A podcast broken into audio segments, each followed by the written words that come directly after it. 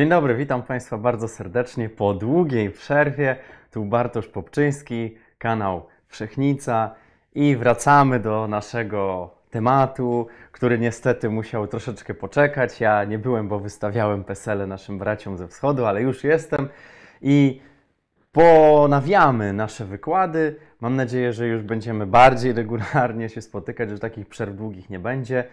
Y, Jest mi bardzo miło, że możemy znów e, się spotykać, znów e, rozmawiać i znów dowiadywać się czegoś nowego o polskiej przyrodzie. Dzisiaj część kolejna, czyli gatunki skrajnie, gatunki skrajnie zagrożone.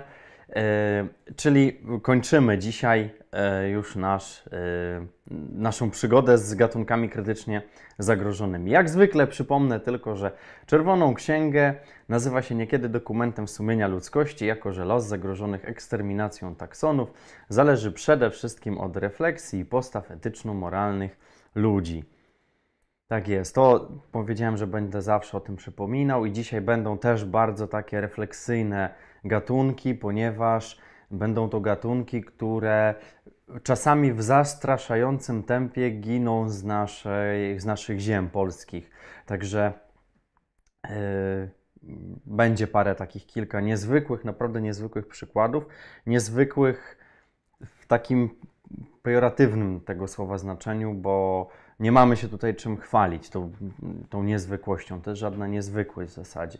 Ale to nic, e, zaraz będę wszystko po kolei wyjaśniał. Tutaj też tylko przypomnę, że dwie grupy już za nami i dzisiaj ta trzecia, czyli gatunki skrajnie zagrożone, również zostanie już na czarno zaznaczona, co będzie oznaczało, że już jest omówiona. A przed nami gatunki bardzo wysokiego ryzyka, inaczej silnie zagrożone, czyli te, które już e, no, troszkę częściej, jest przynajmniej większa szansa, że je spotkamy, niż te gatunki skrajnie zagrożone, których naprawdę jest bardzo, bardzo niewiele, o czym się dzisiaj Państwo przekonają. A przypomnę, że dzisiaj będziemy mówić przede wszystkim o ptakach, bo kończymy to, co e, było mm, chyba w marcu, jeśli dobrze pamiętam, czyli naprawdę bardzo dawno temu.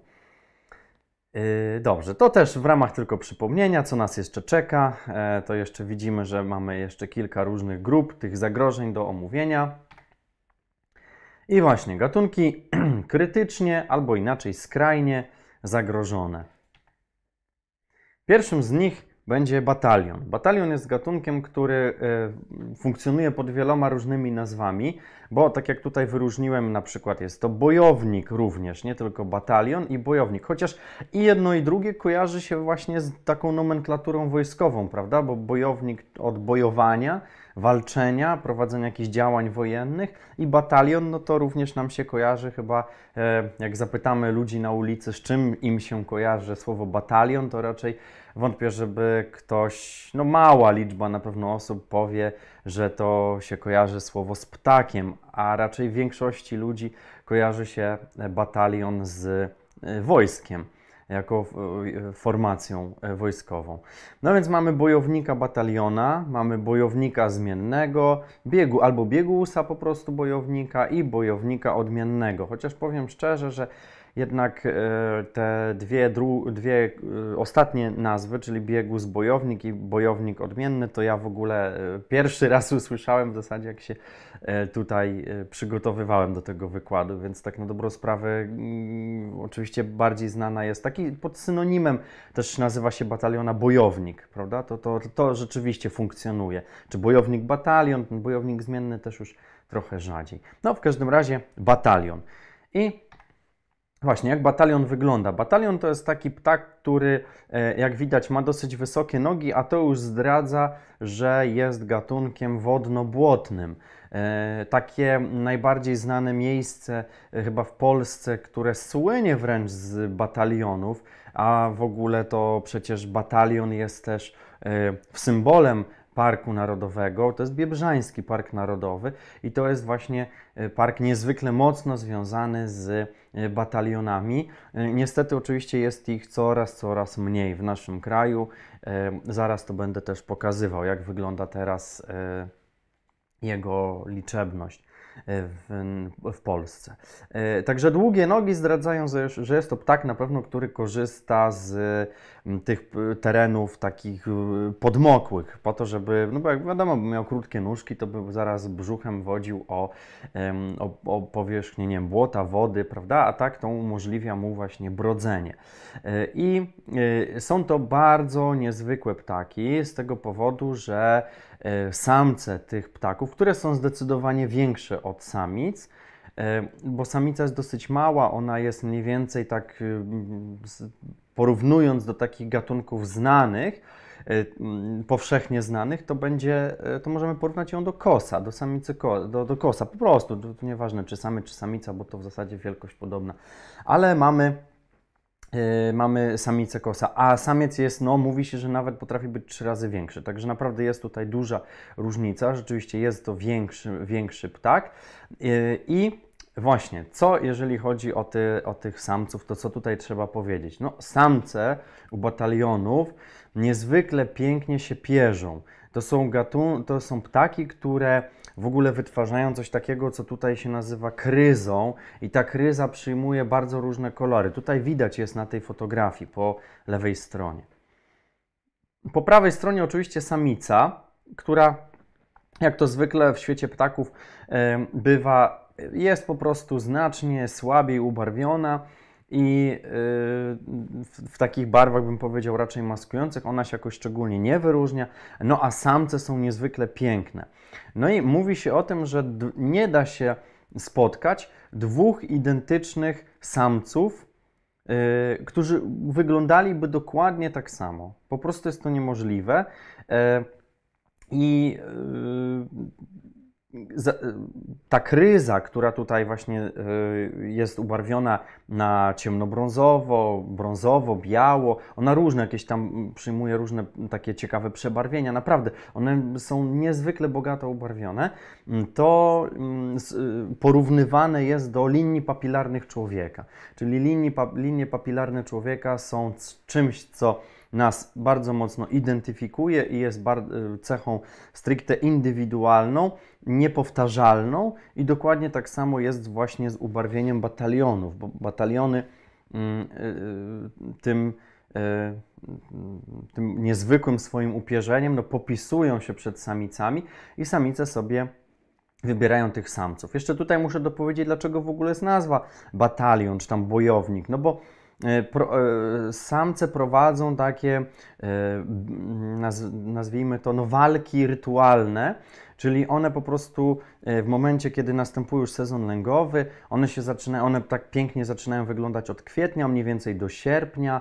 Mm, to tak właśnie w tym okresie takie są mm, piękne, niezwykłe i one prowadzą, samce prowadzą między sobą takie e, walki, e, a samice się przy, przyglądają, przechadzają się i patrzą, co się dzieje w tym świecie samców, jak one się zachowują, jak one się prezentują przede wszystkim. I w momencie, kiedy dany samiec się spodoba, no to y, one sobie oczywiście go wybierają. No i tutaj u batalionów jest też taka ciekawa rzecz, że na przykład jeden samiec, który jest jakiś bardzo ładny, który y, charakteryzuje się takimi mm, cechami, czy, czy to ubarwieniem, czy, czy, czy, czy swoim zachowaniem, wskazuje na to, że to on jest tym, tym takim e, godnym wybrania samcem. Samica go wybiera i e, taki samiec może mieć kilka różnych samic, natomiast,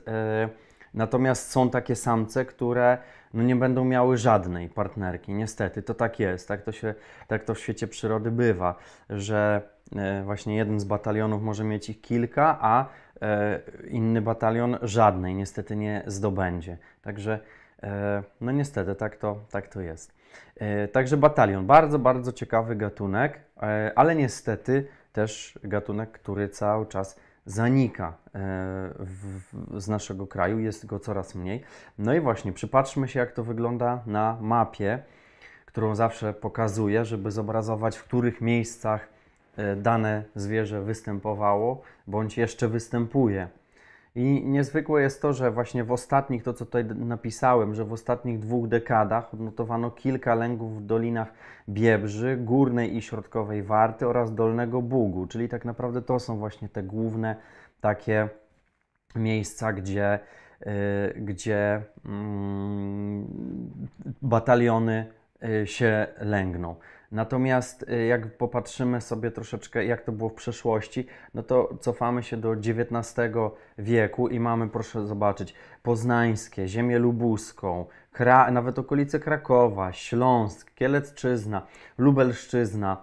Tam wszędzie właśnie te, e, te bataliony były. Natomiast no już dzisiaj próżno ich tam szukać raczej y, i y, w zasadzie no w latach jeszcze 30. na Mazurach, prawda? To oczywiście lata 30. XX wieku, bo tutaj tego nie dopisałem. Natomiast bagna biebrzańskie pozostają takim głównym ośrodkiem lęgowym tych, tych ptaków, ale proszę zwrócić uwagę na to, że w 1980 roku w zasadzie mamy 200-300 gniazdujących samic i około 2000 tokujących samców. No właśnie, to też jakby potwierdza to, co wcześniej opowiadałem, tak? Czyli e, i, i, sytuacja bataliona niestety nie ulega poprawie. E, coraz, coraz trudniej będzie nam spotykać te bataliony i obserwować właśnie je na przykład na gniazdach, e, czy w ogóle no będzie coraz, będzie coraz trudniej, żeby móc obserwować bataliony w Polsce. Miejmy nadzieję, że one nie znikną z naszego krajobrazu. Niestety tym ptakom nie przysłużyła się też gospodarka łowiecka, ponieważ jeszcze proszę sobie wyobrazić, że do 95 roku on jeszcze widniał na liście gatunków łownych. Ja często się zastanawiam, dlaczego w ogóle dane gatunki są jeszcze umieszczane na listach gatunków łownych, skoro już widać, że one są naprawdę, jest ich coraz mniej. Proszę zwrócić uwagę, 1980 rok, czyli mamy jeszcze 15 lat, kiedy jeszcze można było polować na te ptaki. Także to jest e, no, trochę zatrważające, że tak się dzieje. I takich przykładów jest sporo, nawet do dzisiaj. Są jeszcze gatunki, które, których liczę, zresztą pewnie będziemy mówić o nich, mm, z których e, liczebność, jak to się mówi, idzie na łeb, na szyję, a dalej można na nie polować, niestety. Głównie to dotyczy właśnie kaczek. E, dobrze. I jeszcze przypatrzmy się, jak wygląda e, jego występowanie na świecie. No, takimi, takimi, głównym, takimi głównymi miejscami, gdzie one się lęgną, to jest w zasadzie od Polski na północ, prawda? Te regiony na północ, proszę zwrócić uwagę, Półwysep Skandynawski, e, no i dalej tutaj w głąb Rosji, ale jednak ta północna Rosja. No a zimuje w tej strefie ciepłej, czyli głównie jest to Afryka i jakieś tam e, niewielkie fragmenty Europy i Azji. No i też nawet zdarza się, że proszę zwrócić uwagę, Australia również taki bardzo odległy zakątek. No dobrze, tyle chyba jeżeli chodzi o bataliony. Myślę, że przejdziemy sobie do kolejnego gatunku, którym jest łęczak. No i łęczak jest nazywany inaczej brodźcem leśnym albo trawnikiem, też w ogóle taka ciekawa nazwa. E, a brodziec leśny dlatego, że e, potrafi się, e, potrafi wykorzystywać, znaczy to jest jego jakby naturalne środowisko, nie tyle, że tam, że potrafi wykorzystywać, tylko on tam bywa, po prostu jest, żyje. Takie lasotundrę, krótko mówiąc, takie laso, lasotundra też podobnie jak i y, poprzedni gatunek batalion, jest to ptak związany, zresztą widać na zdjęciu, prawda, z miejscami wodno-błotnymi. One tam One właśnie dobrze się czują tam, gdzie jest woda, taka dosyć płytka woda, bo tam też mogą oczywiście odnajdywać pożywienie. E, I taka mm, cecha charakterystyczna, to tutaj może słabiej to widać, ale taką ma brewkę białą nad okiem, biały kuperek, generalnie tutaj e, spód biały, no i ma żółte nogi, czarny dziób. I jest tak widać, że ma bardzo dużo różnych takich plamek na swoim ciele. Mm, no i oczywiście tutaj to jest bardzo dobre zdjęcie, bo już widać, że ta woda to jest bardziej takie błotko, jakiś taki niewielki mm, taki brzeg y, i tutaj one bardzo dobrze się czują, bo po prostu traktują to jako taki bufecik i tam wyszukują y, pożywienie. Także To są ptaki, zresztą no, podobny sposób, e, e, e, podobne środowisko życia, jak i, jak i u e, ba, bataliona. E, z tym, że batalion, jeszcze może tego nie powiedziałem, on lubi jak też e, takie łąki różne są użytkowane, czyli takie bagienka, torfowisy, znaczy bardziej może bym powiedział jakieś cieki wodne, prawda? No właśnie, bagna biebrzańskie to są świetne miejsca. Zresztą te bagna biebrzańskie jeszcze się dzisiaj nam powtórzą nieraz co tylko świadczy o tym, że to jest bardzo niezwykłe miejsce na mapie naszego kraju.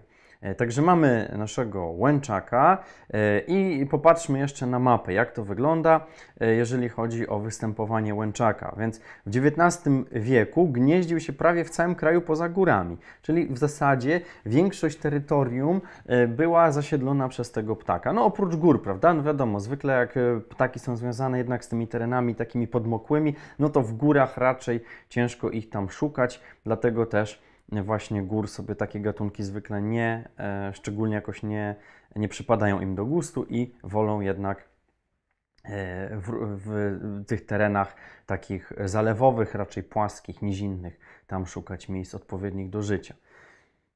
No i teraz proszę posłuchać tego, że w Polsce obecnie mamy sześć stanowisk, na których nieregularnie gniazduje nie więcej niż od jednej do trzech par a krajowa populacja gatunku nie przekracza pięciu par. Czyli proszę zwrócić uwagę, mamy e, jakieś sześć stanowisk, gdzie te, e, gdzie te ptaki mogą gniazdować i zaznaczam, nieregularnie to robią, czyli de facto jest to no, strasznie mało i y, szacuje się, że jest to tylko 5 par. 5 par, czyli 10 ptaków. To jest nie, nie, niesamowite, ale no właśnie o takich, o takich właśnie gatunkach dzisiaj rozmawiamy, których jest dosłownie, no tutaj powiedzenie, że jest ich tyle co na palcach dwóch rąk, to rzeczywiście jest prawdą, czyli jest zatrważająco mało. I niestety, co gorsza, mm,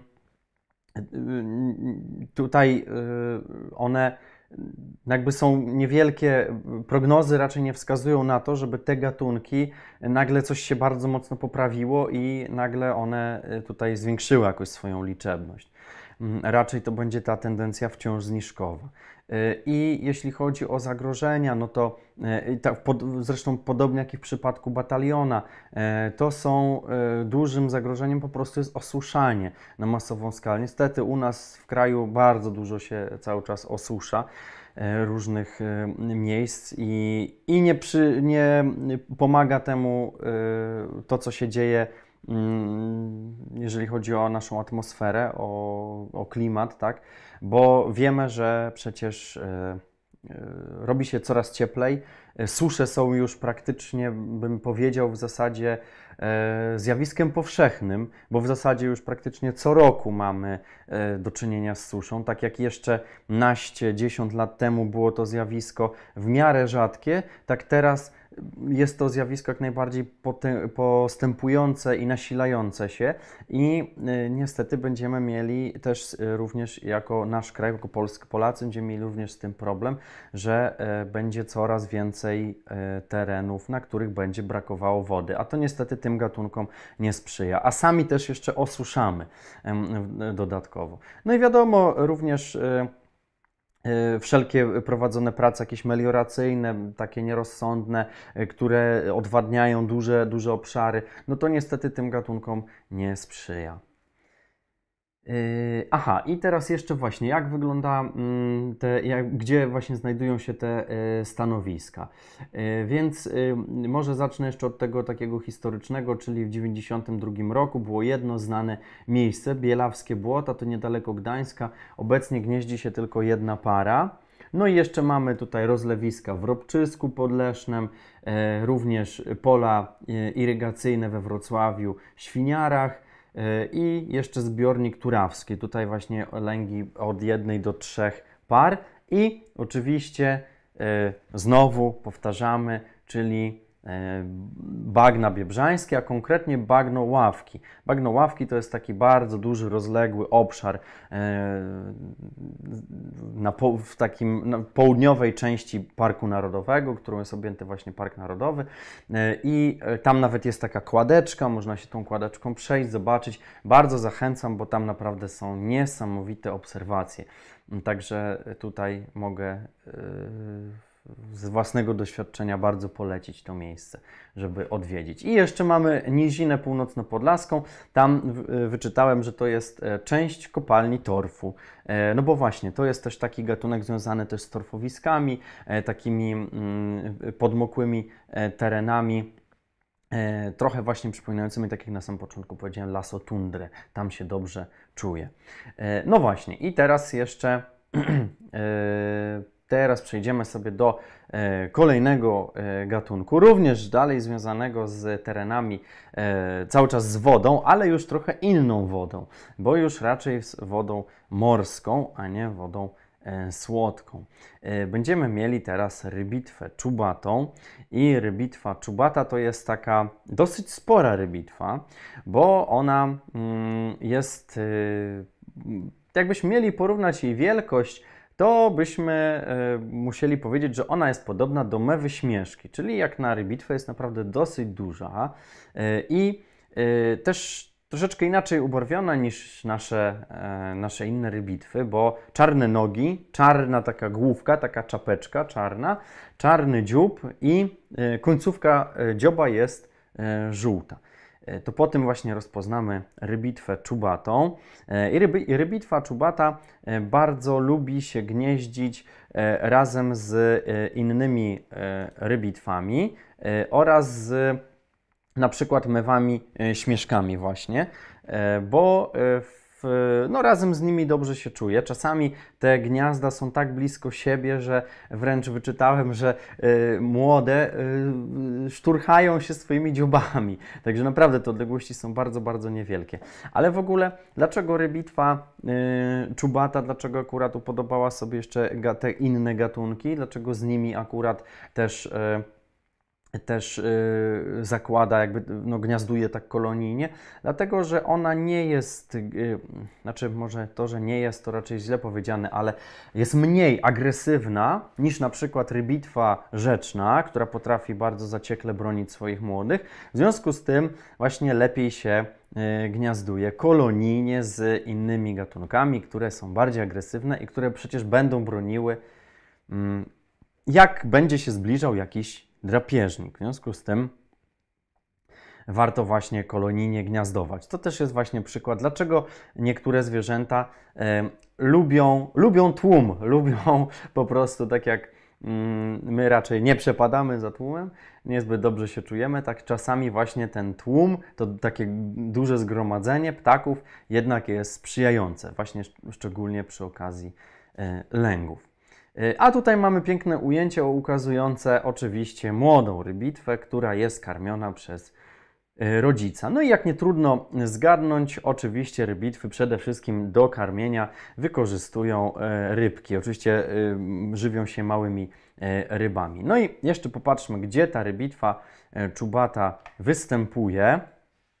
No przede wszystkim, tak jak powiedziałem na początku, to jest kiedyś e, e, te, te rybitwy no jakoś upodobały sobie e, przede wszystkim wybrzeże, one tam się bardzo dobrze czują, to one przede wszystkim lubią właśnie to, e, te, te, te rejony nadmorskie, e, przede wszystkim słoną wodę, dlatego też właśnie tam się przede wszystkim gnieżdżą. No i mamy e, okolice Gdańska. 1929-1936 to mamy kilka par, także już wtedy było e, wcale, wcale nie było ich tak wiele, E, ale z kolei na przykład jeżeli popatrzymy na e, 1962 rok, mamy okolice Koszalina czy Słowińskiego Parku Narodowego, no to notowano tam kilkanaście dorosłych i młodych, E, I jeszcze e, końcóweczka, czyli mamy w latach 1976 i 86 lęgło się u ujścia Wisły od 2 do 290 par. To jest w ogóle ciekawe, dlaczego jest taki duży rozrzut, prawda? Bo zwykle jak mówimy o jakichś tam takich zakresach, no to byśmy się spodziewali, że na przykład będzie 200-290 par, a tutaj praktycznie od zera, no bo no, do, do, od- od dwóch par, no to praktycznie tyle co nic, tak? A 290 par, no to bardzo dużo, prawda? Bardzo dużo ptaków, to już naprawdę jest solidna kolonia. I te rzeczywiście, jak ja sobie porównywałem w różnych latach, jak to wyglądało, to rzeczywiście okazuje się, że tam te wahania naprawdę tak następowały. Czasami były bardzo, bardzo duże te wahania. E, także No ale, no ale dzisiaj niestety już jest ich po prostu bardzo, bardzo e, niewiele w naszym kraju. No i im, co im zagraża? No tutaj z kolei mamy trochę inną e, kategorię zagrożeń niż w, u poprzednich gatunków, no bo im jakby no, mm, osuszanie terenów, jakieś meliora, melioracje i tak dalej nie, raczej nie przeszkadzają, ale z kolei u nich jest właśnie odwrotny problem, bo im mogą zagrażać wezbrania nagłe. Bo proszę zwrócić uwagę, że na przykład jak się gatunki jakieś ptaków gnieżdżą na przykład, i to dotyczy właśnie rybitw na przykład, mm, nad rzekami i rzeki y, po o intensywnych opadach zwiększają swój mm, poziom wody, no to wtedy gniazda niestety są zalewane, po prostu jajka są zalewane, wszystko jest zabierane z wodą i pta, te ptaki tracą swoje gniazda. Natomiast y, nad morzem oczywiście też to zjawisko jak najbardziej jest dostępne, jak najbardziej jest y, Oczywiście też jest dużym zagrożeniem dla, dla tych, dla tych młodych, dla, dla, dla, dla jaj, tak, dla gniazd. E, w związku z tym e, tutaj mówimy o tego rodzaju zagrożeniach. I jeszcze e, mamy na przykład coś, co jest bardzo, bardzo ostatnio powszechnym zjawiskiem, czyli płoszenie przez turystów. Niestety, turyści są wszędobylscy i tutaj mógłbym też w ogóle opowiedzieć bardzo dużo o warszawskim odcinku Wisły, gdzie bardzo wiele ptaków jest niestety płoszonych, tylko dlatego, że ludzie chcą sobie miło spędzić czas i wychodzą poleżeć sobie na piaseczku w miejscach rezerwatowych, objętych rezerwatową formą ochrony przyrody. I bo, no bo tłumaczą się, a bo tutaj tabliczki nie było, to można wejść, prawda, i tyle. E, e, także to jest temat rzeka. Ja bym tutaj mógł bardzo dużo powiedzieć, jak to nad rzeką, ale mm, nie chcę już wchodzić w ten temat, tylko chciałem właśnie powiedzieć, że dużym zagrożeniem jest właśnie, właśnie płoszenie niestety ptaków, które nie mogą e, dokończyć swoich lęków. I tu bardzo ważna sprawa, że tak jak bardzo często ptaki ogrzewają swoje młode i yy, starają się swoim ciałem podwyższyć temperaturę, utrzymać tą, tą w miarę wysoką, komfortową temperaturę y, dla, dla piskląt, dla jaj przed, przede wszystkim wcześniej, y, to mm, tak na właśnie otwartych przestrzeniach takich piaskowych, na plażach zachodzi odwrotne zjawisko, kiedy to ptaki muszą swoim ciałem zacieniać te, mm, te jajka czy pisklęta, ponieważ inaczej one się po prostu prawie że gotują. Bardzo niebezpieczne zjawisko, ale właśnie tak jest na, y, na, na plażach, na tych terenach e, piaskowych, piaszczystych. I e, co warto jeszcze tutaj dopowiedzieć, że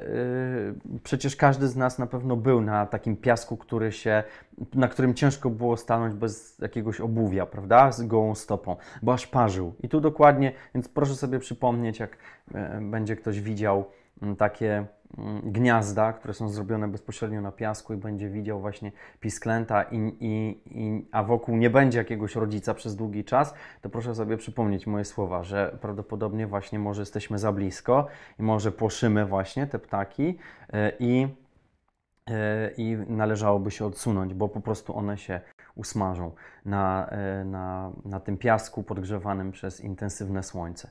E, no, inna sprawa jeszcze jest taka, że mm, e, pytanie, czy w ogóle zobaczymy takie jajka, bo te jajka też się świetnie maskują, także one są bardzo dobrze zamaskowane i on, on ich praktycznie nie widać, więc to już też taka kwestia i przez to mogą być na przykład rozdeptywane przez turystów, także to jest też bardzo duże zagrożenie, więc ten ruch turystyczny jest e, dużym zagrożeniem dla, dla tych ptaków.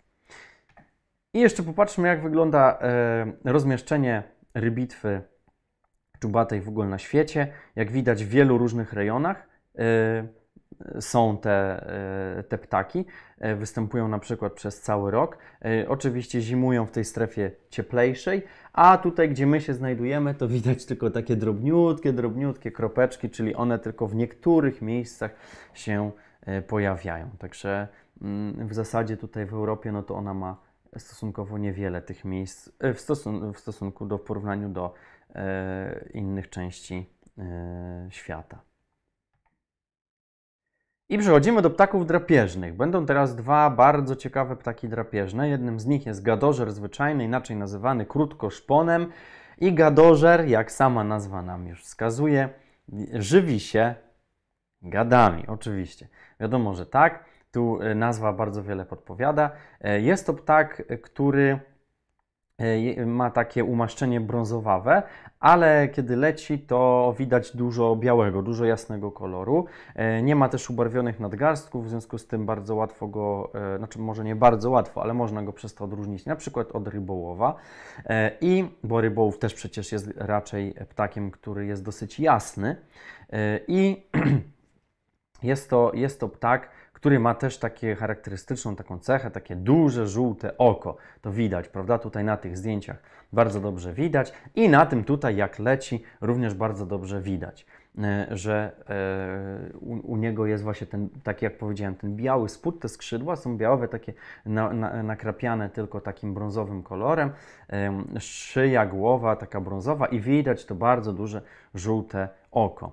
No i też, co warto wspomnieć jeszcze o gadożerze, że jest to ptak, który e, wykonuje takie loty patrolowe w celu odnalezienia czegoś do zjedzenia, mm, również wczesnym popołudniem. Także mm, mamy też możliwość właśnie obserwowania go o ile będziemy mieli bardzo duże szczęście, że go zobaczymy, bo jego liczebność jest w Polsce, szacuje się, że mniej więcej od 2 do 5 par, czyli jest chyba jeszcze gorzej niż e, w stosunku do łęczaka, bo jak mówiłem o łęczaku, że jest około 5, tak? Szacuje się, że tyle, no to gadożera może być, jeżeli mamy na przykład dwie pary, tak? Czyli cztery ptaki w ogóle występujące w Polsce, także jest zatrważająco mało. Yy ale niesamowicie piękny ptak, ciekawy. E, no właśnie, i polujący na gady, także e, e, on jest bardzo mocno od tych gadów uzależniony, czyli przede wszystkim węże i, i jaszczurki, to są w naszym kraju. I oczywiście, no właśnie, jak, jak, tych, tak, jak tych zwierząt jest mniej, to automatycznie też i gadożer ma dużo mniej do, mm, do e, no zwierząt, do, do, na, które może, na które może polować, które są jego pożywieniem. Także tutaj to jest jakby mm, no, skorelowane ze sobą, prawda?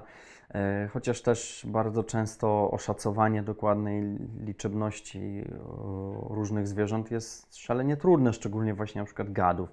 Tak, ostatnio właśnie e, opowiadałem troszeczkę o żmii, no i w zasadzie jeżeli chodzi o liczebność żmii, no to też ciężko dokładnie oszacować. No ile mamy jej w Polsce? E, tak, gady, gady się dużo trudniej jednak szacuje niż, niż na przykład chociażby ptaki, no z tego powodu, że jest, y, no, prowadzą dużo bardziej skryty tryb życia i trzeba je rzeczywiście dosyć solidnie wyszukiwać, a ptaki można właśnie chociażby w powietrzu. Czy zostawiają na przykład gniazda, prawda? To też właśnie jest jakiś tam y, ślad po sobie, po sobie zostawiają.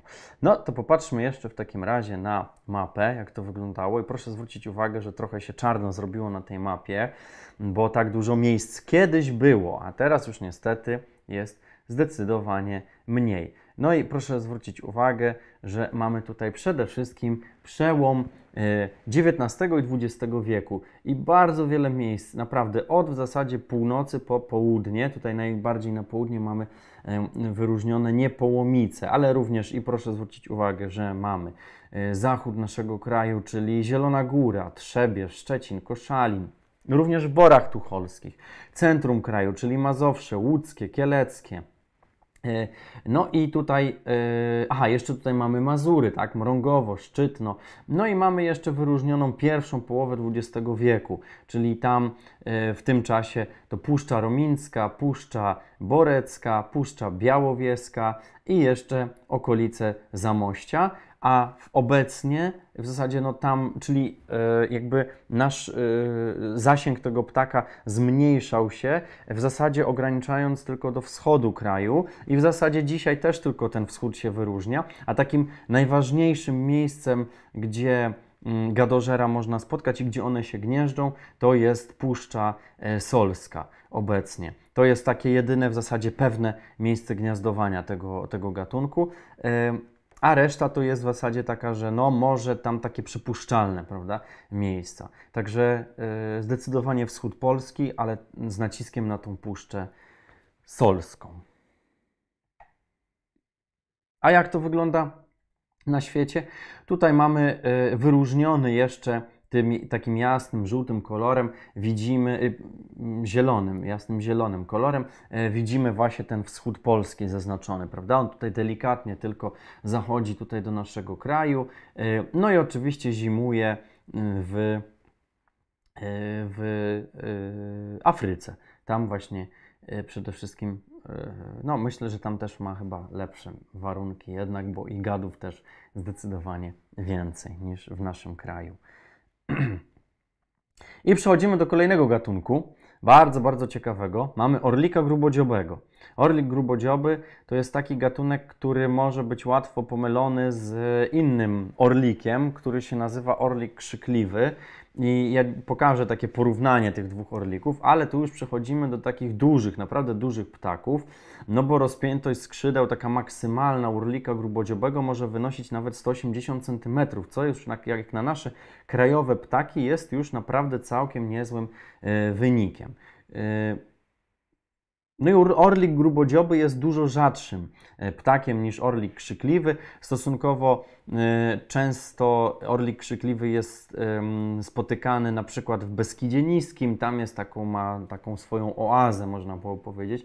Jedno z miejsc w, w, w Polsce, gdzie tego orlika jest zdecydowanie du dużo. Nawet na tyle dużo, że znalazł swoje miejsce, swoje odzwierciedlenie ten fakt odnalazł w e, symbolu e, Magórskiego Parku Narodowego. Tam jak popatrzymy właśnie też jest widoczny właśnie orlik krzykliwy. Natomiast grubodzioby jest bardzo nieliczny w naszym kraju i może być też właśnie pomylony z orlikiem E, z orlikiem e, krzykliwym. Natomiast tutaj może tak e, od razu już powiem, jakie największym zagrożeniem, co jest dla orlika grubodziobego. Otóż uwaga, to jest taki może fakt trochę zaskakujący, ale okazuje się, że dla orlika grubodziobego największym zagrożeniem jest hybrydyzacja, czyli mieszanie się z orlikiem krzykliwym. I dzięki temu nie powstają jakby czysto, gen, czyste, czysto genetycznie e, orliki grubodziobe, tylko już one są, te geny są już wymieszane, powstają takie mieszańce. E, Także one się, jak widać, właśnie między gatunkami, ale jednak krzyżują e, i to jest dużym zagrożeniem dla orlika grubodziobego. No, oczywiście też jakieś inne czynniki, typu na przykład intensyfikacja rolnictwa, prawda, też, e, też e, oczywiście ma znaczenie, ale już w mniejszym stopniu. Tutaj naj, najgorsze jest właśnie ta, ta, ta hybrydyzacja. No i popatrzmy jeszcze, jak piękny jest to ptak. Czasami w locie nawet do pomylenia z orłem przed nim y, i wybitna taka sylwetka to już nie jest tak jak na przykład y, w przypadku, nie wiem, jastrzębia, prawda, tylko ta, czy myszołowa. Ta, ta sylwetka się zdecydowanie różni. Przede wszystkim wielkość tego ptaka. No widzimy, że on jest naprawdę dużym ptakiem. Tak jak powiedziałem, 1,50 m, 1,80 m to jest rozpiętość skrzydeł, także naprawdę już całkiem sporo. E, oczywiście wiadomo, no bielik ma więcej, tak, ale y, to nie o to chodzi, kto, kto tutaj ma więcej, tylko też jak ten ptak wygląda. Wygląda naprawdę niesamowicie i też y, no to, co ma wspólnego właśnie z orłami, chociaż jest właśnie orlikiem, czyli nazwa sugerowała, że jest trochę mniejszym takim orłem, y, ale właśnie ma te lotki, te takie palcówki bardzo dobrze widoczne.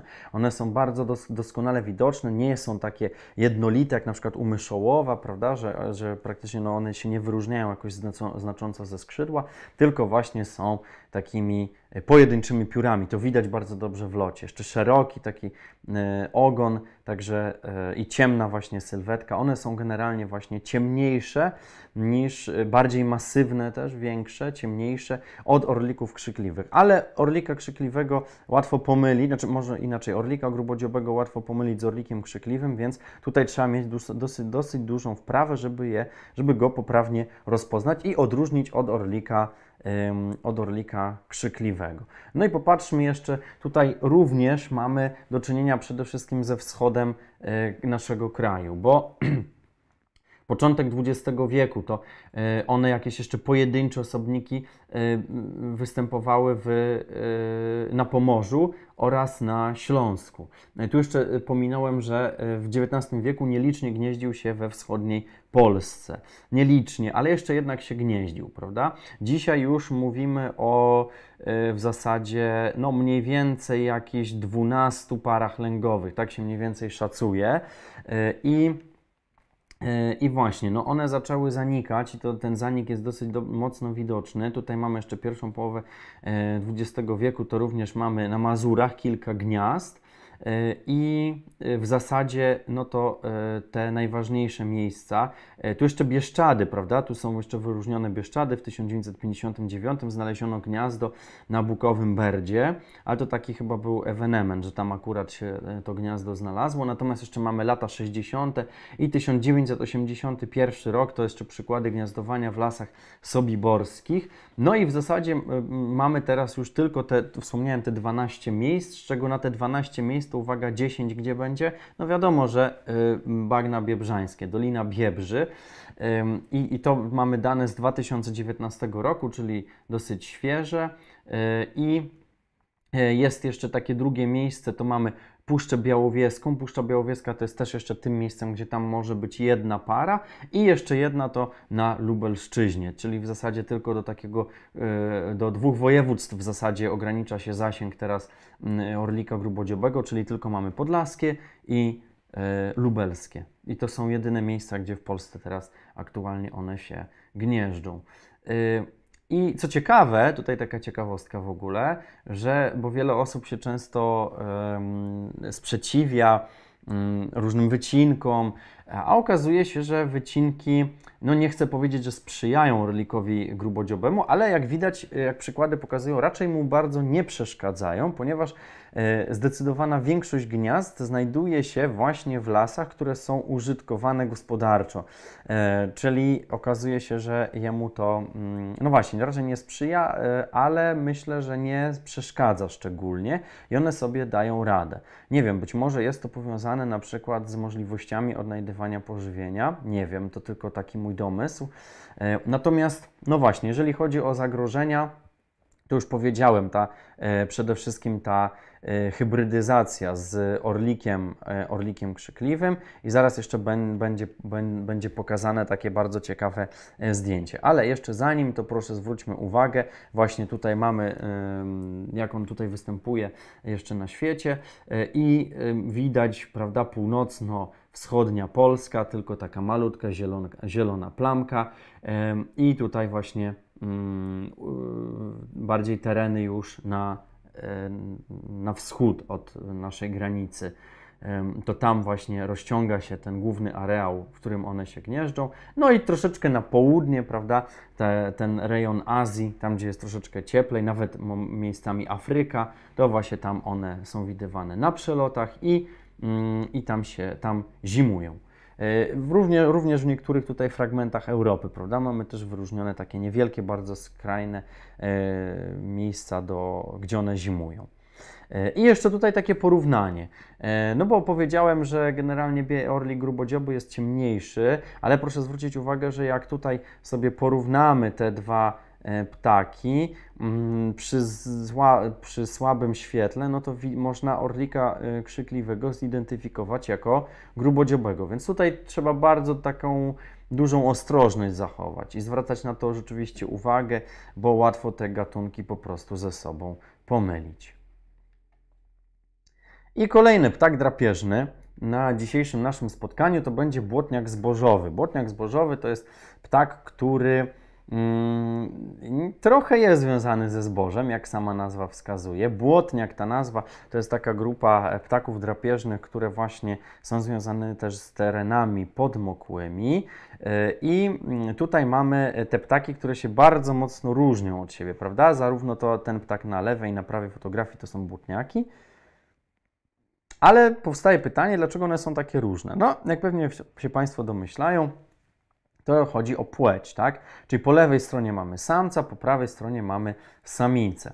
No i samica właśnie, e, samicę dosyć trudno jest rozpoznać od, od, od, od, samic innych błotniaków. Niestety czasami to nastręcza pewne problemy, e, bo jak to zwykle wszystkie samice są właśnie dobrze umask, e, zamaskowane, takie mają, mają, mają barwy kamuflujące, po to, żeby się, no wiadomo, chodzi o lęgi, prawda, o ochronę lęgów. Natomiast samiec jest taki szary, popielato-szary, nawet y, miejscami taki, bym powiedział, że delikatnie przechodzący w jakiś taki niebieskawy kolor, chociaż mówię ja to zawsze, że słaby jestem y, z z koloru, więc tutaj się nie będę wypowiadał. Natomiast tutaj jest taki, taki jest te lotki, końce tych lotek są, są czarne. Także to jest taka charakterystyczna cecha u, u samca. Tutaj widzę, że jakiś jest. Jest, dobrze. A, jest, ok, czyli już, już widoczny jest, tak to się cieszę, bo tu tak rzuciłem kątem oka, ale jest. Jak w porządku, to w porządku, to idziemy dalej. czyli mamy, e, przypomnę tylko, mamy po lewej stronie mamy e, samca, a po prawej mamy samicę. E, I ptaki, to, ptaki te są wielkością e, zbliżone do jastrzębia, czyli nie są to jakieś bardzo duże ptaki. E, to taka, taka mamy zdecydowaną różnicę między tym gatunkiem, który przed chwilą omawiałem, czyli orlik grubodzioby, prawda? Jest dużo, dużo większa, tutaj już zdecydowanie mniejsza liga. E, I e, proszę zwrócić uwagę, bardzo ciekawie wygląda ten ptak.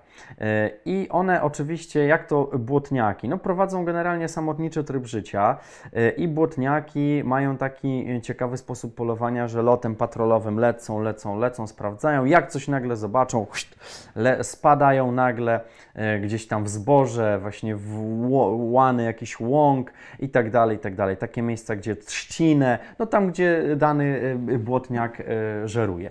I rzucają się na swoją ofiarę e, bardzo szybko, tak znienacka, nagle.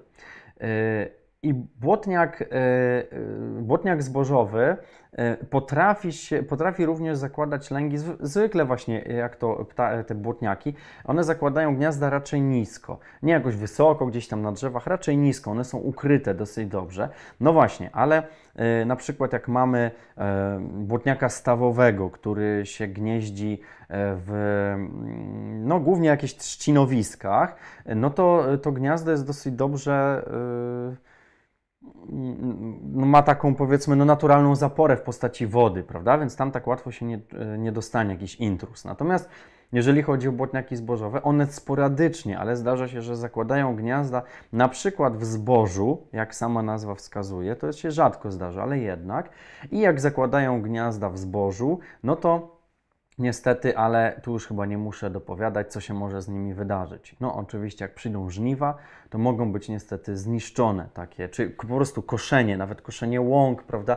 To mogą być takie gniazda niestety zniszczone i co gorsza, e, taki e, człowiek, taki operator właśnie tej kosiarki, może nawet takiego, nie wiem, ciągnika, no wszystko jedno u tej maszyny, e, po prostu może nie zauważyć, nawet nie być świadomym, prawda, że, że po prostu zmielił takie, takie gniazdo. Niestety, skosił, ściął, tak? Mm, także niestety to się, takie sytuacje się zdarzają. No dobrze, i popatrzmy jeszcze, jak on tutaj y, występ, występuje. Y, otóż w pierwszej połowie XX wieku był bardzo nieliczny. E, ale tutaj jest e, taka ciekawa e, informacja, którą znalazłem, że w Szczecińskiem i na ziemi lubuskiej był prawdopodobnie liczniejszy od błotniaka stawowego. No generalnie błotniak stawowy to jest taki gatunek, który obecnie jest raczej dosyć często spotykany, gdzieś właśnie nad różnego rodzaju zalewami, jeziorkami, właśnie tam, gdzie są jakieś trzcinowiska, to właśnie błotniaka stawowego, to jest jeden z najpopularniejszych błotniaków na naszym kraju. Natomiast e, jeżeli chodzi o e, błotniaka zbożowego, to proszę zwrócić uwagę, że w tamtym rejonie był nawet bardziej pospolity niż błotniak stawowy. Także to taka niezwykła mm, informacja. E, I mamy lata 1922-46 to mamy okolice Samborza pod Środą Wielkopolską. Tam były, tam były stwierdzone właśnie gniazda. I w latach 30. nad jeziorem Dróżno gnieździły się dwie taki zakres mamy od dwóch do czterech par. No i już e, bardziej nasze czasy współczesne, 1990 rok to e, gnieździł się koło Niemczy i w zasadzie w 2020 roku stwierdzono jedną parę gniazdującą w województwie opolskim. Generalnie raczej błotniak zbożowy no m- niestety, muszę to powiedzieć, ale chyba raczej będzie już niedługo uznany, przejdzie do tej pewnie kolejnej kategorii, jak tak dalej pójdzie, zagrożenia, tej gorszej niestety. E, I niedługo może po prostu już będzie, e, no już w ogóle niemożliwe, e, jedynie może na przelotach spotkanie właśnie e, butniaka zbożowego w naszym kraju, ale nie będziemy mieli żadnych potwierdzonych informacji e, dotyczących właśnie gniazdujących par w naszym kraju. I niestety, no jak właśnie powiedziałem na samym początku dzisiejszego wykładu, raczej wszystkie gatunki, o których dzisiaj, które dzisiaj omawiamy, to bardzo właśnie lecą na łeb, na szyję. Mm, Wśród nich właśnie też błotniak zbożowy. Także nie wiem, jaka będzie jego przyszłość, ale póki co nie zapowiada się e, optymistycznie.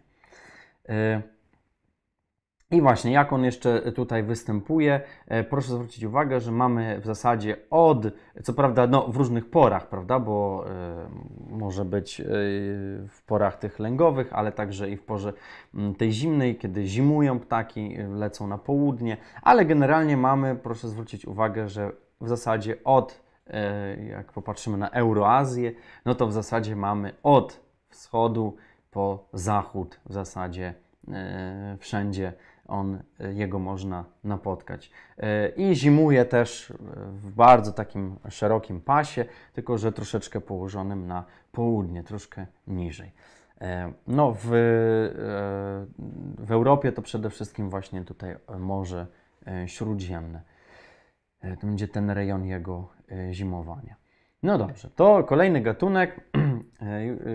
Zost- e, Już opowiadaliśmy sobie już o dzierżbie, e, ale to była dzierżba rudogłowa i ona była uznana już za gatunek wymarły w naszym kraju. Natomiast jeżeli Natomiast jeżeli chodzi o dzierżbę czarnoczelną, to jak sama nazwa nam wskazuje, ma czarne czoło. I rzeczywiście tak jest, bo mm, ona może być na przykład pomylona ze srokoszem, ale srokosz ma tylko taką przepaskę, tak jak, yy, tak jak yy, złodziej w kreskówkach, prawda? Jak ma tylko taką przepaskę i tylko takie oczy, miejsce na oczy, no to właśnie yy, to jest cecha charakterystyczna srokosza. Natomiast jeżeli chodzi o dzierżbę czarnoczelną, to ona ma to czółko w zasadzie, nie tylko pasek z, e, w okolicach oczu czarny, ale też i to czoło jest e, czarne. Także po tym właśnie rozpoznamy tego ptaka, e, bo generalnie jak widać, no, jest dosyć podobna do srokosza. No i jak każda z dzierżb, oczywiście mm, też poluje na różnego rodzaju, na przykład gryzonie, ma taki ząb, widać właśnie, tylko ten ząb oczywiście to w cudzysłowie, e, natomiast ten ząb jest na dziobie i on jest takim e, bardzo e, silną bronią, bardzo mocną bronią tego zwierzęcia. On właśnie dzierżba atakuje tym dziobem i bardzo mocno potrafi zacisnąć. Ja akurat miałem okazję, że mój palec znalazł się w takim dziobie, więc powiem szczerze, że e, nie, nie życzę, żeby, żeby się spotykał z dziobem dzierżby, bo są naprawdę bardzo silne i, i bardzo szybko się przekonałem, dlaczego akurat te e, ptaki potrafią zabijać nawet gryzonie. Co ciekawe, dzierżby to już mówiłem wiele razy, że dzierżby mają taki swój ciekawy system. E, Taką, taka jest ich natura, że nabijają swoje ofiary na kolce. E, po prostu tworzą w ten sposób takie mini spiżarnie. E, I Czasami jak zobaczymy na przykład taką myszkę, która jest nabita na kolec, albo na przykład jaszczurkę, to jest dzieło najprawdopodobniej właśnie jakiejś dzierżby. Natomiast dzierżba czarnoczelna stosunkowo rzadko to robi e, i oczywiście, e, no wiadomo, jak poluje na, na przykład na gryzonie, na jaszczurki, no to najwięcej swojego pożywienia znajduje właśnie na ziemi. Zdarza się nawet, że możemy ją zobaczyć, jak ona sobie skacze po, e, po ziemi w poszukiwaniu właśnie pożywienia. No i popatrzmy jeszcze, to jest w ogóle gatunek związany raczej z takimi terenami otwartymi, takimi nawet lasostepami, dlatego też właśnie w naszym kraju jest stosunkowo jej niewiele. Generalnie lubi takie, e, znaczy stosunkowo, no niewiele, bardzo niewiele. E, e, lubi generalnie takie miejsca, które są trochę zadrzewione i trochę otwarte, czyli taką mozaikę e, e, lubi. tam właśnie znajduje pożywienie na tych otwartych przestrzeniach. Dlatego dzierżby właśnie raczej, e, no w lesie dzierżby nie spotkamy, tylko raczej poza lasem zdecydowanie. Popatrzmy jeszcze na mapę, jak to wyglądało e, niegdyś. E, występowała właśnie niegdyś, występowała na Pomorzu, ale nie tylko, bo jeszcze możemy tutaj e, wyróżnić na przykład Mazury, Poznań, ziemię lubuską, Także, a w XIX wieku gnieździła się na obszarze całego kraju. Czyli w zasadzie mamy podobną sytuację do Łęczaka, który też w zasadzie był praktycznie na obszarze całego kraju, a dzisiaj jest go o tyle, prawda? E, także tutaj mamy podobną sytuację, a nawet bym powiedział, że gorszą od Łęczaka. A dlaczego? To zaraz pokażę, tylko że jeszcze chciałem powiedzieć o tym, że na Śląsku był to ptak pospolity, szczególnie pod e, Miliczem, Zieloną Górą i Nową Solą. E, ptak pospolity, czyli rzeczywiście dosyć często występował. I w latach 60. areał lęgowy ograniczony do tego obszaru południowo-wschodniego naszego kraju, Natomiast tutaj pada najgorsza informacja w przypadku tej dzierżby, że ostatni stwierdzony lęk był w 2010 roku w Bielsku Podlaskim. Ostatni stwierdzony lot, czyli 12 lat temu mieliśmy ostatni lęk tego ptaka w naszym kraju i w zasadzie od tej pory nic. Także dlatego powiedziałem, że sytuacja jest nawet gorsza niż łęczaka, bo łęczak jeszcze gniazduje, a ten ptak już nie, już przestał. Także też myślę, że niedługo jak tak dalej pójdzie, to razem z na przykład błotniakiem zbożowym po prostu e, opuszczą tę kategorię zagrożenia. Niestety. Także no mówię niestety, bo przejdą do e, jakby o poziom wyżej, tak? Także niestety będą może uznane za gatunki, które już w naszym kraju niestety w ogóle nie występują. Nie gnieżdżą się, przepraszam, nie gnieżdżą się. Y, dobrze. I teraz jeszcze popatrzmy właśnie, jak y, tutaj wygląda występowanie y, w Europie, Azji i Afryce. Bardzo ciekawie, bo tu jest wszystko, jakby proszę zwrócić uwagę, że często te terytoria gdzieś tam mają ze sobą jakiś styk, prawda? Takie punkty styku. Jedno, jeden tak, że na przykład tu się już kończy miejsce, gdzie te ptaki się lęgną, gniazdują, a zaraz już poniżej, troszeczkę na południe zaczyna się miejsce, gdzie one, gdzie one spędzają zimę, gdzie zimują. A tutaj są, jest bardzo wyraźne. Europa, Azja, tak, to mamy te miejsca, gdzie ona e, występuje, gdzie się lęgnie, południowa Afryka, tam gdzie, e, tam, gdzie zimuje. I tu jest, to jest bardzo proste, tu się w żaden sposób te rejony ze sobą nie przenikają, ani się nawet nie stykają. Bardzo ciekawie to wygląda. No i też bardzo proszę zwrócić uwagę, że naprawdę ptak musi się sporo sporo napracować, żeby prze, przebyć taką drogę, bo to, są, bo to jest wiele tysięcy kilometrów. I ptak, który, na który w zasadzie bardzo, bardzo czekałem, bo muszę powiedzieć, w zasadzie na sam koniec zostawiłem takie niezwykłe ptaki, bardzo, bardzo niezwykłe, e, które powiem szczerze, marzę, żeby zobaczyć. Chciałbym e, kiedyś zobaczyć te gatunki, e, bo niestety jeszcze nie miałem takiej okazji i każdemu bym życzył, żeby zobaczył. Bo uwaga, kraska jest ptakiem, e, który właśnie powiedziałem, że będziemy mówić od dzisiaj o gatunkach, które lecą na łeb na szyję, których liczebność gwałtownie spada. I kraska jest idealnym przykładem, bo jeszcze do niedawna był to stosunkowo liczny ptak w naszym kraju i całkiem nawet pospolity, do tego stopnia, że tam, gdzie ja pracuję, dowiedziałem się, że e, ten ptak występował, był normalnie, po prostu takim ptakiem można by rzec parkowym, bo właśnie, bo to jest ptak, który raczej też nie lubi lasów, unika lasów, ale lubi, lubi takie e, miejsca ogrodowe, trochę parkowe, e, trochę takie otwarte, delikatne jakieś zadrzewienia. Na miejscach takich otwartych wyszukuje pożywienie. W związku z tym w związku z tym jest to y, gatunek, no bo tam właśnie te takie otwarte przestrzenie sprzyjają do tego, żeby odnajdywać na przykład owady, które bardzo lubi zjadać. Y, a ptak w ogóle niesamowity z tego względu, że proszę zwrócić uwagę, jak on jest pięknie ubarwiony. To jest jeden z naszych gatunków i niestety bardzo szybko zanikających, który charakteryzuje się niezwykle pięknym, e, bardzo oryginalnym i wręcz bym powiedział egzotycznym ubarwieniem, bo e, w zasadzie można by porównać go jeszcze do jakichś tam innych paru gatunków takich bardzo kolorowych, na przykład do zimorodka, do dudka, do żołny. O, to są też niezwykle piękne ptaki. E, niestety jednak kraska spośród tych wszystkich ptaków wyróżnia się tym, że e, już niedługo, niestety, co mówię z wielkim smutkiem, możemy e, się po prostu z nią pożegnać i już przestanie być w ogóle w Polsce widywana. Niestety, ta, to może czekać kraskę. E, Jest to ptak w ogóle, który. O, tu jeszcze pokażemy sobie inne zdjęcia. Proszę zwrócić uwagę na te jej skrzydełka piękne, e, takie e, wszelkie odcienie niebieskiego, jasno-niebieskiego koloru, błękitnego, jakiegoś, nie wiem, czy to jest jakiś.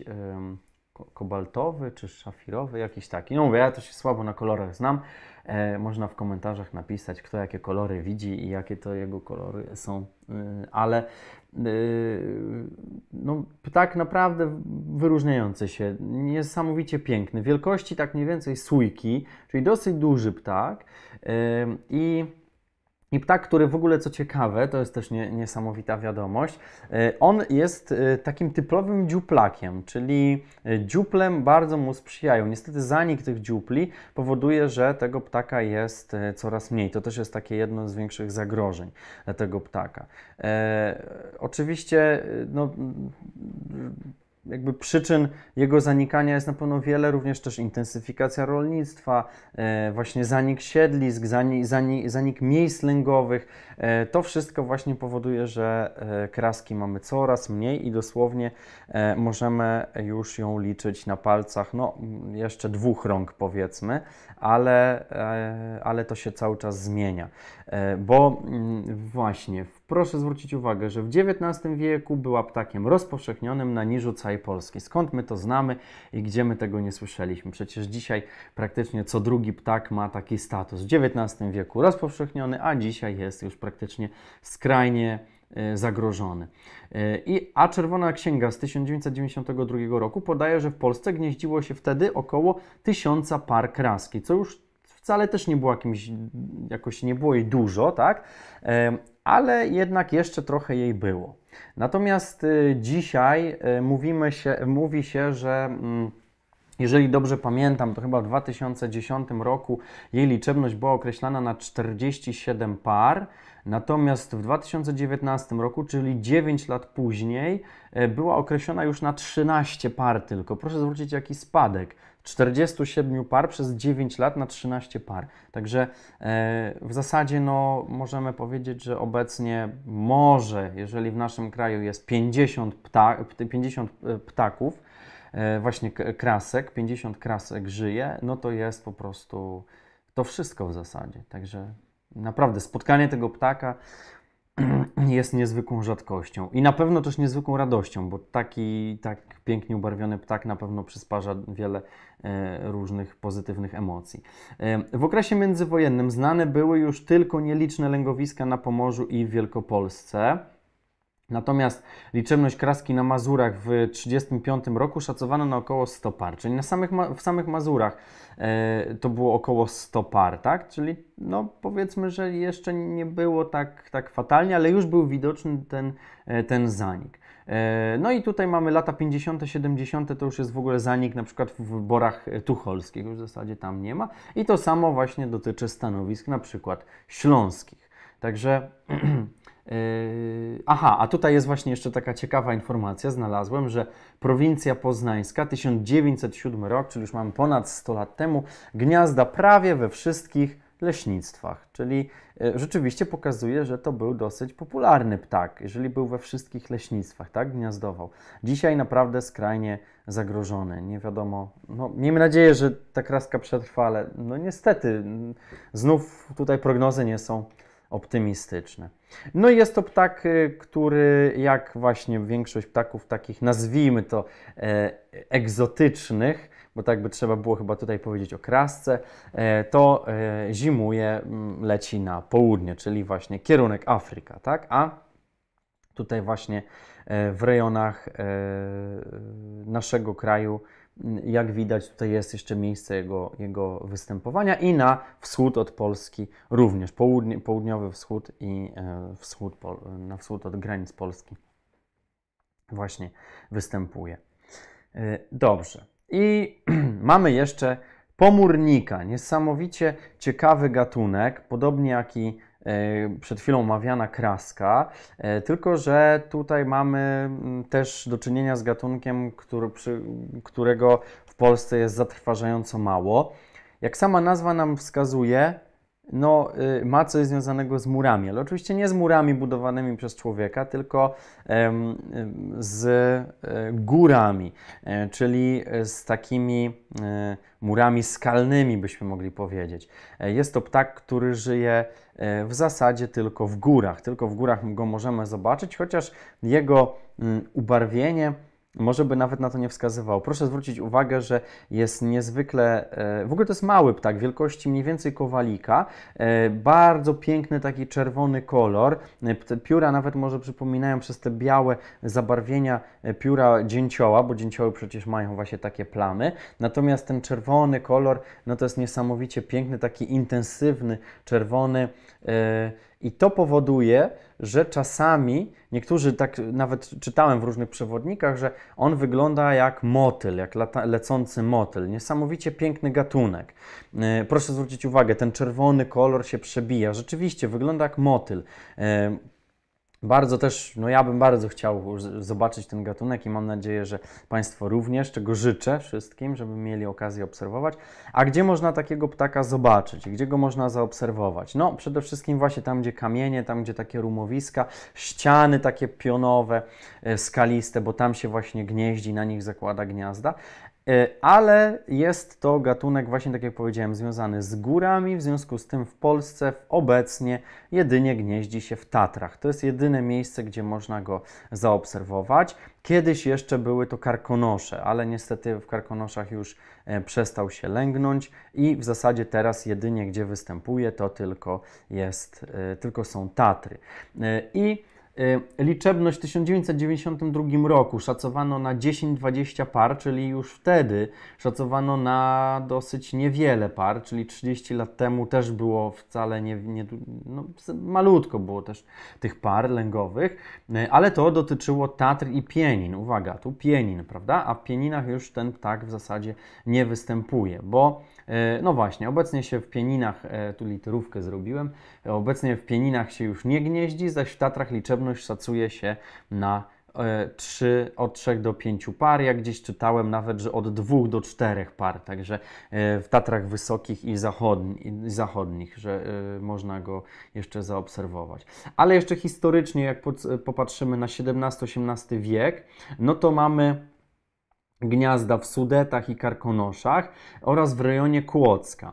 Natomiast 1962 e, rok e, widziano e, tego e, ptaka w Karkonoszach, jednego osobnika dorosłego. No być może po prostu no, był, tak, ale to nie jest jeszcze e, przyczynek do tego, aby sądzić, że się tam gnieździł.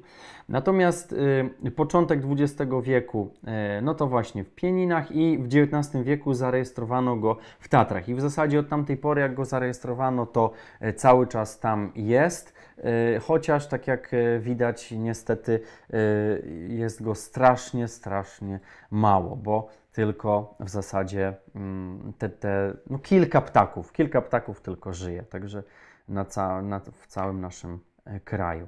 I tylko na tym skrawku południowym. A co ciekawe, dla nas jest to skrawek południowy, a dla występowania tego ptaka jest to skrawek północny, bo okazuje się, że my możemy się pochwalić naszymi Tatrami pod tym względem, że jest to w kontekście pomórnika, że jest to miejsce występowania tego ptaka wys wysunięte najbardziej na północ. Już dalej na północ tego ptaka nie zobaczymy. Jest to ostatnie miejsce, czyli Tatry, takie, taki bardzo taki ostatni e, e, bastion, można byłoby powiedzieć, na północy e, tego ptaka. I w zasadzie wszędzie tam, gdzie góry, ten ptak występuje, bo to jest ptak wybitnie związany z górami. Tam się gnieździ, tam cały czas żyje. Także tam, gdzie wysokie góry, tam, a właśnie, to muszą być też wysokie góry, takie skaliste, prawda? takie na przykład właśnie jak Tatry, czy chociażby właśnie Karkonosze, Pieniny, ale już niższych gór on nie będzie będzie tolerował. E, już na przykład Bieszczady, prawda, to już, to już nie jest to, to już to jest nie, nie to, co jemu e, odpowiada. On rzeczywiście musi mieć te e, widoczne, te jasne, ostre skały, tak, to, to jemu odpowiada.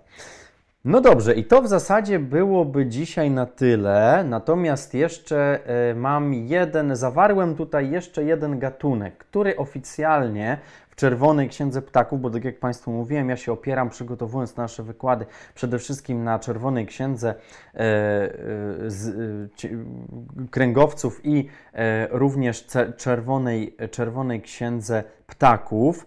E, To są jakby dwie takie, dwa takie główne źródła, na których bazuję. Oczywiście z, róż, różne inne form, informacje jeszcze czerpię z innych źródeł, ale na tym głównie bazuję, przygotowując te wykłady.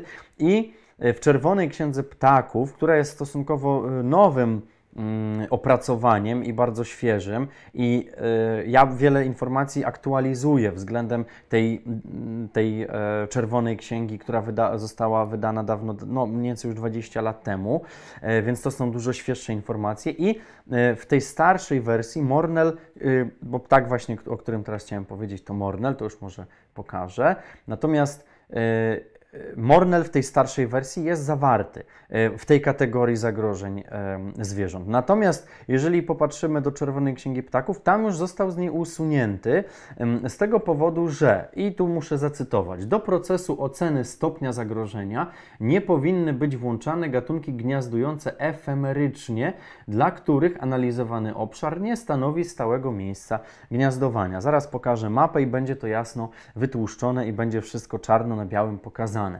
I jeszcze tutaj taką adnotację poczyniłem, że za gatunki gniazdujące efemerycznie uznano te, których lęgi potwierdzono w kraju po roku 1800 jedynie od jednego do pięciu razy. I są to edredon, ogorzałka, perkos rogaty, mornel, sieweczka morska, czaplana dobna, raruk, czarnowron, zaroślówka, świstunka iberyjska i świstunka górska. I wśród tego zestawienia mamy e, mornela właśnie. I mornel jest... Ja chciałem dosłownie kilka zdań, naprawdę króciutko tylko o tym mornelu powiedzieć, bo to jest naprawdę niezwykły gatunek. Niegdyś w ogóle gnieździł się rzeczywiście bardzo rzadko e, w, e, w, w Polsce. Nawet ostatnie doniesienia o lęgu były jeszcze z 98 roku, oczywiście z Tatr, ale również upodobał sobie karkonosze, tylko że tam wcześniej zdecydowanie zanikł. Natomiast i to głównie dotyczy tych karkonoszy e, znajdujących się po czeskiej stronie, ale mimo wszystko no, był w karkonoszach. Natomiast mm, w Tatrach też właśnie się e, no, jakiś tam jeden lęk trafił, prawda? Ale to niestety no, mm, nie, nie pozwala go już tutaj zaliczać do e, jakby tej kategorii, no bo to były naprawdę bardzo skrajnie rzadkie przypadki tego Mornela. Także e, no, o Mornelu tylko tutaj chciałem delikatnie tak wspomnieć i jeszcze powiem taką bardzo wielką ciekawostkę, bo e, u Morneli następuje zmiana ról, czyli to samiec wysiaduje i właśnie głównie się zajmuje wychowaniem e, młodych ptaków. Natomiast samica e, Samica właśnie tu następuje ta zamiana i samica nie wysiaduje. Głównie właśnie na gnieździe siedzi mornel. Taka ciekawostka a propos, a propos tego e, ptaka. I jeszcze jako już ostatni slajd chciałem pokazać tylko jego występowanie. Proszę zwrócić uwagę rzeczywiście, że w naszym, z naszym krajem ma niewiele wspólnego i y, no, on rzeczywiście sobie e, upodobał miejsca, które mm, są przede wszystkim na północy. E, Tutaj właśnie Skandynawia. W Skandynawii można rzeczywiście go zobaczyć. Tam jak najbardziej. Także, y, no i tutaj widzimy jakieś bardzo niewielkie pojedyncze kropki na terenie na terenie e, Europy. E, Natomiast w Polsce no niestety nie i raczej nic się nie zanosi na to, aby to się zmieniło i żebyśmy mogli uznać Mornela za gatunek krajowy. E, Chociaż no właśnie jak to zawsze mm, warto pamiętać, trzeba mieć zawsze oczy i uszy szeroko otwarte, bo nigdy nie wiadomo co się wydarzy, a już naprawdę o wielu różnych zaskakujących obserwacjach, nawet w, w, w środku miasta, w centrum słyszałem. Także naprawdę warto, warto być skupionym i warto właśnie zwracać uwagę, patrzeć wszędzie, co się dookoła dzieje. Bardzo serdecznie dziękuję, bardzo się cieszę, że mogliśmy się spotkać e, kolejny raz i kolejny raz tutaj e, analizować to, tę czerwoną księgę. E, Jeszcze tylko przeczytam tutaj komentarze, które są i, i to będzie na dzisiaj wszystko. Dobrze, bardzo tak. Witam serdecznie. Bardzo się cieszę, że niektórzy tutaj z chęcią już czekali, wyczekiwali na te nasze spotkania. E,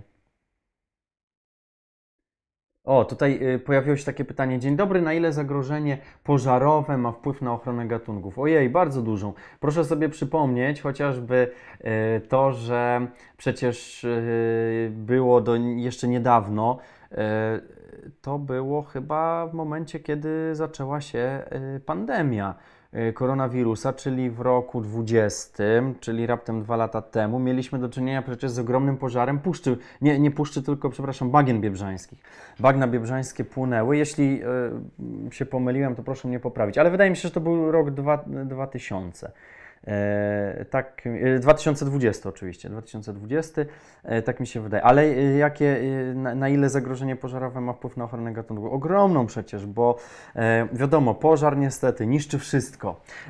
I i w związku z tym, no, takie, takie bagna to po prostu zostały dosłownie zdewastowane, zniszczone. Oczywiście one się odradzają, bo też trzeba pamiętać o tym, że pożary są naturalną częścią, naturalnym elementem przyrody i, i nawet bym powiedział, że czasami są potrzebne w ogóle, chociaż właśnie dużo niszczą, tak? Niszczą wszystko, co na swojej drodze napotkają, a jest wiele gatunków, które nie jest w stanie uciec. No chociażby na przykład, nie wiem, pisklęta, prawda? Których ptaki nie zabiorą z gniazd, niestety. Także one zginą. Więc e, to zagrożenie pożarowe rzeczywiście odgrywa dosyć istotną rolę. E, jeszcze y, mm, pytanie na przykład y, tutaj można, bo ja tak sobie jeszcze myślę, że y, można trochę to rozszerzyć i na przykład zwrócić uwagę na to, że jeżeli jest zagrożenie pożarowe, to może e, zagrożenie pożarowe może się też na przykład w jakiś sposób e, pozytywny przyczyniać do ochrony gatunków. Dlaczego? Bo jeżeli jest zbyt duże zagrożenie pożarowe, to można wprowadzać okresowe zakazy wstępu na różne powierzchnie, żeby nie zwiększać ryzyka pożaru. I to może się przyczyniać w jakimś tam stopniu, prawda, do ochrony ale generalnie, no wiadomo, niestety yy, właśnie, no pożary, pożary yy, po prostu niszczą wszystko, co napotkają na swojej drodze. No jest to taka okrutna śmierć dla zwierząt, które nie, nie są w stanie uciec. No właśnie, ale tutaj też Carmelo dobrze pisze, bo tu już czytam kolejny komentarz, że przede wszystkim główna przyczyna to jest człowiek, tak? To człowiek właśnie przez głupotę niestety też często ludzi właśnie te pożary wybuchają i mm, przez nie, mm, przez nie niestety wiele zwierząt po prostu ginie. Yy...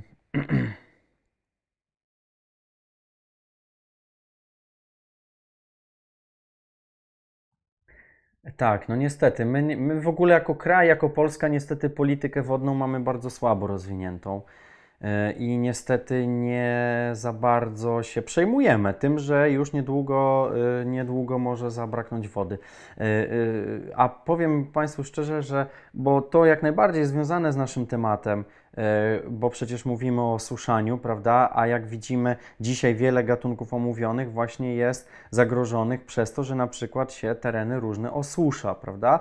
I e, w związku z tym, e, no ja niestety bardzo, no jakby na co dzień, prawda, jestem w lesie, widzę co się w lesie dzieje, ile jest wody, staram się to obserwować. Też bardzo nakłaniam i staram się zachęcać ludzi do coraz mocniejszego oszczędzania wody, naprawdę, bo widzę, że to jest bardzo duży problem, który nas niestety dotknie jeżeli już nie dotyka, e, bo przecież były już przypadki, że tam w niektórych miastach prawda, brakowało wody. E, na razie nic sobie z tego nie robimy, niewiele się tym przejmujemy, ale to jest wielki dar, że mamy właśnie dostęp do wody pitnej, a już niedługo, myślę, że może w perspektywie nawet 10 lat, oby nie krócej, ale nie wiem tego, będziemy mieli potężne problemy. E, nawet kiedyś pamiętam, jeszcze jak byłem studentem, to pamiętam, że jeden z wykładowców wspominał o tym, co się wydawało wręcz absurdalne i niemożliwe. I dziwnie się nawet tego trochę słuchało, ale on wspominał o tym, że być może dożyjemy czasów, kiedy będą prowadzone wojny o wodę. To brzmi po prostu absurdalnie, ale niestety tak może być. Jeżeli e, no Polska na pewno ma bardzo dużo tutaj do zrobienia. Jakby nie chcę już tego tematu rozwijać, bo to wiem, że jestem gaduła, to bym za dużo już mógł powiedzieć, ale to jest bardzo duży problem, tak, który się przekłada na świat przyrody, ale też i bezpośrednio na nasze życie.